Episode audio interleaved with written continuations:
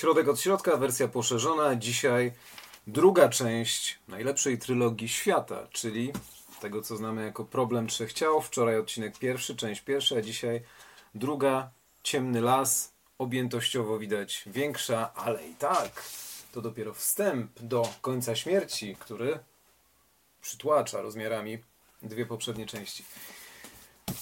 Ciemny las, wersja chińska, Heian Sunlin, autor ten sam, Liu Cixin, chińska wersja, polska wersja, objętościowo oczywiście. Znaki chińskie zawsze pozwalają stworzyć dzieło cieńsze. Ponieważ nie chodzi mi o samo streszczanie fabuły, tutaj odsyłam każdego do przeczytania tego dzieła we własnym zakresie, warto, obojętnie czy lubi się science fiction, to jest chińskie science fiction, czy nie, czy miało się do czynienia z takiego rodzaju e, twórczością, czy nie, to warto się w to zagłębić, ponieważ to jedna z najlepiej przemyślanych książek, jakie można znaleźć. Oczywiście te słowa, jak również i wyraz uznania dla autora pojawiały się wielokrotnie na tym kanale. O to nam chodzi, żeby poznawać rzeczy najlepszej jakości, ale Liu Cixin stworzył konstrukcję niezwykłą. Przeprowadził przez pomysł przekraczający możliwości poznania, dodatkowo wprowadzając twarde science fiction, rzeczy związane z astrofizyką w sposób przystępny, łagodny, ale jednocześnie nieznoszący sprzeciwu. Jak to ma miejsce z wieloma, w wielu przypadkach z azjatyckimi pojęciami, filozofią, dogmatami, ale i podejściem do życia. Trochę bez dyskusji, bardzo ludzko, ale niepodważalnie. Trzeba wykonać, Zrozumieć można, ale trzeba wykonać. Takim podejściem e, cechuje się jeden z głównych bohaterów. Tutaj bohaterów jest wielu, więc ta lista zawsze jest publikowana na początku. To pierwsza część i potem kolejna imion i nazwisk wszystkich, e, no w większości po chińsku dobrze jest mieć spis, ale oczywiście można się w tym wszystkim połapać. Jeden z bohaterów, powiedziałem głównych, no ale w sumie jeden z głównych, Zhang Beihai, e, opis Przedstawia go jako komisarza politycznego marynarki wojennej chińskiej armii ludowo-wyzwoleńczej. Oficer sił kosmicznych właśnie cechuje się takim podejściem, jak powiedziałem wcześniej, to znaczy rozkaz ma być wykonany. To szczególnie przydaje się, kiedy już odbiegamy 200 e, lat od naszej rzeczywistości i kosmici, którzy mają przylecieć za 400 lat, czyli po 200 latach jesteśmy w połowie tego czasu oczekiwania, zbliżyli się, ale już Niby niedaleko, ale już pierwsza sonda daje o sobie znać. Krótka ściąga różnych ciekawych miejsc, które wybrałem dla Was. Strona 13. Aksjomaty socjologii kosmicznej. Pierwszy. Podstawową potrzebą każdej cywilizacji jest przetrwanie. Drugi. Cywilizacja ciągle rozwija się i rozszerza, ale ilość materii we wszechświecie pozostaje stała. To rozpoczyna ten tom do aksjomatów e, socjologii kosmicznej między stroną 640, 630, przepraszam, a 640 wraca się na końcu. One zamykają klamrą cały drugi tom trylogii. Przepiękna rzecz. Dochodzi do tego jeszcze coś, co jest nazwane ciągiem podejrzeń. Socjologia kosmiczna. Czy można mówić o jednym rodzaju społeczności w kosmosie? Czy istoty, które mają zupełnie inne zmysły, potrzeby, ciała, fizjologię, mogą kierować się tymi samymi zasadami? Okazuje się, że mogą. I te dwa dogmaty wspomniane wcześniej są podstawą tego, jak potem się rozmawia bądź nie rozmawia z kosmitami. Kosmici, którzy przylatują, nazywają się trisolarianie. Ich układ słoneczny ma trzy ciała, stąd pierwszy tom i nazwa zbiorcza całości to problem trzech ciał. Także jest to określenie istniejące w fizyce, nierozwiązywalny problem bądź trudny do rozwiązania problem równań opisujących zachowanie wzajemne trzech ciał wobec siebie. Trisolarianie, którzy lecą na Ziemię, żeby nas skolonizować, zgładzić i skolonizować, bądź przejąć to, co zgładzą, Szukają innego świata, bo na swoim im jest źle. Cyklicznie giną, ponieważ te trzy ciała, trzy słońca krążą nieregularnie, nie są w stanie przewidzieć ich ruchu i muszą swoją ziemię, ojczyznę opuścić, szukając jakiegoś miejsca do zamieszkania. tak wyszło, że akurat znaleźli nas i e, razem nie będziemy w stanie istnieć. Trzeba nas jakoś podbić bądź się pozbyć zupełnie. Podstawowa różnica, ponieważ owi kosmici komunikują się bardzo łatwo z Ziemią, z ludźmi. I mówią, myśleć i mówić to jedyne, czego nie rozumiemy z waszej kultury. Przeczytali wszystkie książki, to się dzieje bardzo szybko. Technologia jest wykraczająca nasze poznanie. Nauczyli się nas, ale nie rozumieją tej dychotomii. Myśleć i mówić, bo u nich mówi się to, co myśli. Nie ma rozbieżności. Myśleć i mówić, mówią kosmici. Ku naszemu zaskoczeniu właśnie się dowiedzieliśmy, że w rzeczywistości nie są to synonimy. Człowiek mówi, bo nie są który z nimi rozmawia. Wracając do kosmitów. W naszym rozumieniu powinny nimi być. Myśleć znaczy używać w procesach umysłowych narządów służących do rozumowania. Mówić znaczy komunikować treść swoich myśli komuś innemu. Bardzo ciekawa rzecz, która potem pozwala na jedyną formę obrony przed tym, żeby kosmici nie przeczytali zamiarów. Rzeczy muszą się odbywać w głowie. Plan niedostępny, niewyrażony mową. Zamknięty tu. Myśli nie da się przeczytać. Strona 60. Jak szybko może dokonać się postęp? W czasie wojny rząd wzmocni kontrolę urodzeń. Istotnym elementem tej polityki będzie pilnowanie, by ludzie mieli dzieci jak najpóźniej. Różnica międzypokoleniowa będzie wynosiła 40 lat. W związku z tym te statki odlecą dopiero za około 120 lat. To i tak całkiem szybko. Da się je zbudować do tego czasu? Wujku Zhang, pomyśl, co było 120 lat temu. Wciąż panowała dynastia Qing.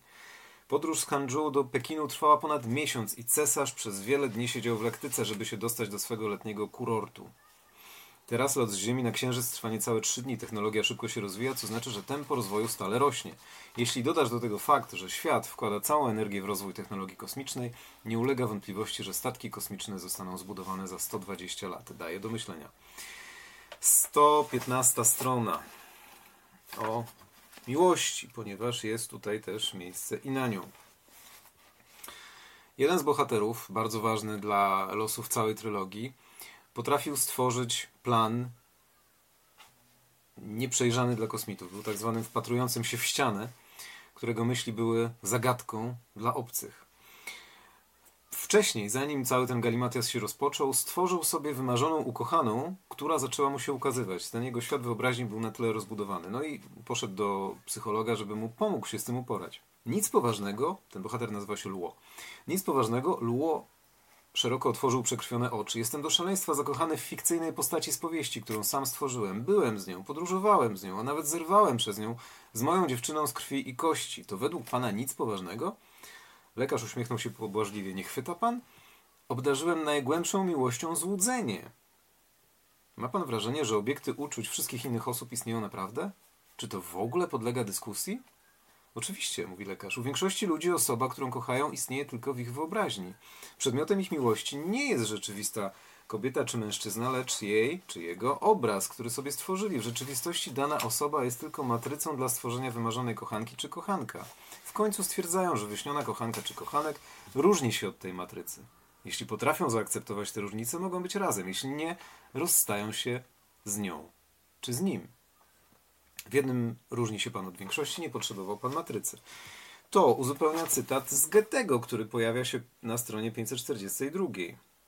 Bardzo ciekawy i również znaczący dla historii Ziemi, przyszłości Ziemi. Nie naprzykrzałem się dziewczyną, mówi jeden z bohaterów, które mi się podobały. Wierzyłem w to, co napisał Goethe. Jeżeli cię kocham, cóż ci do tego? To samo stwierdza ten wspominany Luo o zamiarach kosmitów. Zniszczymy Ziemię, cóż wam do tego? Przylecieliśmy po to, cóż wam do tego? Tak samo o prawach fizyki, one są takie i cóż wam do tego? Dalej. 163 strona o wierze w zwycięstwo. Wspominany komisarz polityczny John Beihai opowiada, że Naszym zadaniem jest natchnienie podległych nam sił wiarą, że odniesiemy zwycięstwo w czekającej nas w dość odległej przyszłości wojnie. Ale czy sami damy radę? Jeśli tak, podnieście ręce. To mówi najpierw dowódca całej ekipy, wśród której jest komisarz polityczny John Beihai. Pamiętajcie, że mówimy, co naprawdę myślimy. Nikt nie podniósł ręki. Prawie wszyscy siedzieli ze wzrokiem wbitym w stół, ale Chang, ten dowódca, zauważył, że jeden oficer patrzy prosto przed siebie. Był to Chang Beihai. I wierzycie, że zwycięstwo jest możliwe? Przez możliwe rozumiem nie przypadkowe kilkadziesiątych procent, lecz rzeczywistą, istotną możliwość. Champey High podniósł rękę. Był jedynym, który to zrobił. No i zaczął opowiadać. Towarzyszu dowódco, nie potrafię w kilku słowach udzielić zadowalającej odpowiedzi na to pytanie, bo budowanie wiary to proces długi i skomplikowany. Przede wszystkim chciałbym zwrócić uwagę na błędne myślenie, jakie szerzy się w obecnych czasach w naszych szeregach. Wszyscy wiemy, że przed kryzysem trisolariańskim opowiadaliśmy się za badaniem charakteru przyszłych wojen z naukowego, racjonalnego punktu widzenia i siłą inercji. To myślenie przetrwało do dnia dzisiejszego. Dotyczy to zwłaszcza sił kosmicznych, gdzie nasiliło się ono wskutek napływu naukowców. Jeśli z takim nastawieniem zaczniemy się zastanawiać nad czekającą nas za cztery stulecia wojną międzygwiezdną, to nigdy nie uda nam się zasiać wiary w zwycięstwo. Przyjrzyjmy się, kontynuuje Pejhaj, Przyjrzyjmy się jeszcze raz nauce i rozsądkowi. Pamiętajcie, naszej nauce i naszej, naszemu rozsądkowi. Postęp, jakiego dokonali trisolarianie, uzmysławia nam, że nasza nauka jest jak dziecko zbierające muszelki na plaży. Dziecko, które nawet nie widziało oceanu prawdy. Fakty, które poznajemy, idąc za wskazaniami naszej nauki i rozsądku, wcale nie muszą być prawdziwymi, obiektywnymi faktami. A skoro tak, to musimy się nauczyć selektywnie je ignorować. Powinniśmy widzieć, jak się zmienia to, co się rozwija, i nie powinniśmy być i nie powinniśmy pod wpływem technologicznego determinizmu i mechanicznego materializmu spisywać naszej przyszłości na straty. Musimy przywrócić wiarę w zwycięstwo, wiarę, która jest podstawą żołnierskiego poczucia obowiązku i godności. Gdy armia chińska stanęła kiedyś w skrajnie niesprzyjających warunkach naprzeciw potężnego wroga, była natchniona niezłomną wiarą w zwycięstwo, bo miała poczucie obowiązku wobec narodu, i ojczyzny. Peihai wylicza dalej, kilka stron później, 166, że przeszk największą przeszkodą, nawet w czasach wojny międzygwiezdnej, będzie defetyzm. Największym zagrożeniem dla sił zbrojnych w przestrzeni kosmicznej jest defetyzm, więc na oficerach prowadzących pracę polityczno-ideologiczną ciąży niezwykła, niezwykła odpowiedzialność. Jakże to przypomina rewolucję komunistyczną Mao, oficerowie polityczni, w ogóle z czasów komunistycznych, nie tylko w Chinach, przewodniczącego Mao. Tutaj podróż w kosmos jest jedynie omówieniem tego, co zadziało się w Chinach. Tam też społeczeństwo zostało zebrane w, w podróż, delikatnie mówiąc, przekształcone i zreformowane i też nie dawano możliwości na jakiekolwiek defetystyczne nastawienie. Każdy, kto był przeciwko, był wrogiem rewolucji. To napisał Chińczyk, Liu Cixin, który doskonale znał swoją historię. Ja kiedyś mówiłem w jednym z odcinków, powołując się na e, jeden z cytatów z profesora Fairbanka, że mówiąc o Chinach, należy znać wszystko, wiedzieć to wszystko, o czym oni wiedzą. To tak samo jakby z Polakami rozmawiać przez pryzmat, może inaczej, bez tego, bez znajomości tego, kim jest Reksio, Bolek i Lolek, ale i nie tylko to, ale i Łokietek, Chrobry, Hołd Pruski czy Chrzest Polski. Całość. Całość. Od przysłowiowego sasa do przysłowiowego lasa całość należy znać, żeby sobie to pudełko odpowiednio stworzyć i do niego wejść i zrozumieć, co jest w środku. Defetyzm. Cztery wersje. Strona 95 i 97. Dysproporcja sił w walce, która nas czeka, nie ma precedensu w historii wojen toczonych przez ludzi. Sądzę więc, że największym zagrożeniem przez nie wiadomo ile lat będzie defetyzm. Dalej, Champey High. Nie sądzę, bym przesadzał w ocenie tego zagrożenia. Szerzenie się defetyzmu doprowadzi nie tylko do podkopania morale, ale może skończyć się upadkiem całych sił kosmicznych. Cztery rodzaje defetyzmu. Pierwsza, traktowanie przez członków sił kosmicznych swoich obowiązków jako zwykłej służby, bez entuzjazmu i poczucia misji, wątpienie w sens pracy. Druga, bierne czekanie, wiara, że wynik wojny zależy od naukowców i inżynierów, czyli nie od nas. Trzecia, snucie nierealistycznych fantazji, chęć wykorzystania technologii i hibernacji w celu przeskoczenia czterech wieków i wzięcia bezpośredniego udziału w bitwie ostatecznej. Czwarta, przeciwieństwo poprzedniej, zwątpienie w godność żołnierza, przekonanie, że tradycyjny wojskowy kodeks moralny nie odpowiada już sytuacji na polu walki, w końcu walczymy w kosmosie. Jest zupełnie co innego. Koncepcja wreszcie niewiarygodna, która sprawiła, że w sumie Zastanawiam się, czemu nie nazwaliśmy tego, znaczy ja nie nazwałem tego kanału w taki sposób. Chambai Hai, ponownie, rozmawiając z dowództwem floty. Na początku kryzysu trisolariańskiego, czyli w naszych czasach, zgodnie z chronologią książki, zaczęliśmy z ojcem poważnie się zastanawiać nad najbardziej podstawowymi kwestiami tej wojny. Stopniowo wokół niego zebrała się grupa ludzi, myślicieli, naukowców, polityków i strategów wojskowych, nazwali się historykami przyszłości. Przyszłość, historia, a szkoła nauki. Mm, czyli Wei Lai Shi Xue Pai. Historycy przyszłości. Mm, To w wersji chińskiej znajduje się na stronie 353.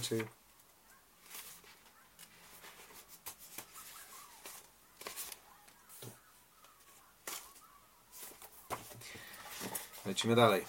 To jest niewiarygodna rzecz. Historycy przyszłości, którzy przewidzieli wszystko, żeby nie być gołosłownym, przewidzieli wszystko. Nie tylko Wielki Jar, tutaj taki rozłam struktury Ziemi i wielka katastrofa ekologiczna, ale również drugie oświecenie i drugi renesans. To wszystko w tych czasach przyszłych. Ich przewidywania na temat dzisiejszej ery dobrobytu są tak dokładne, że prak- praktycznie nie można ich odróżnić od rzeczywistości. Na koniec przewidzieli, że ludzkość poniesie całkowitą klęskę, zostanie zniszczona podczas ostatecznej bitwy. Kolejna ciekawostka. 504 strona. Po raz kolejny. Champei Hai, nasz bohater, komisarz polityczny i e, Dongfang Yangshu, kapitan statku. Dzieje się rzecz na statku. Po potwierdzeniu przez delegację ze sztabu generalnego tożsamości Champei Haya, Dongfang Yangshu podała mu swoje hasło dostępu. Hasło. Dla mężczyzn miłość zawsze jest tylko romansem. On odpowiada: Jesteś niepaląca, zauważył spokojnie.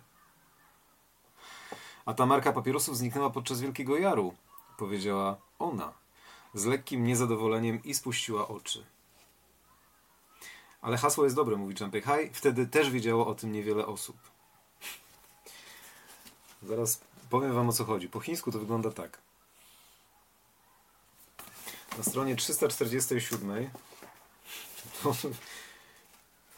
powtarzam. Dla mężczyzn miłość zawsze jest tylko romansem. Przecież jesteś niepaląca. Ale kiedy przeczytamy, strona 347, tutaj na dole, i to wyjaśnienie, które wam pokazałem przed chwilą, po angielsku. Men always remember love because of romance only. M A R L B O R O. Marlboro.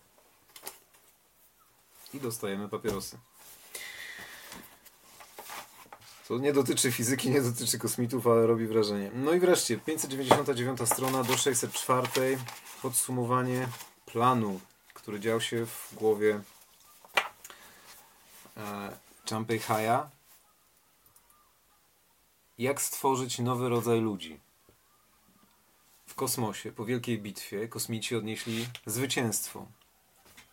Pięć statków umknęło. To nie jest jedyna ludzkość, jaka została. Reszta jest na Ziemi, więcej jest na Ziemi, ale Ziemię czeka zagłada na obecny stan z tej książki. No więc tych pięć statków ma nieść cywilizację w kosmos. Żaden nie ma tyle materiału do tego, żeby naprawiać, usterki zawsze się pojawią, i paliwa, żeby dolecieć gdziekolwiek. Każdy ma mało. Wniosek jest taki, żeby ludzkość przeżyła, musi stawić się przeciwko sobie. I zaczynają się atakować. I powstają nie ludzie. To już nie są ludzkie zasady.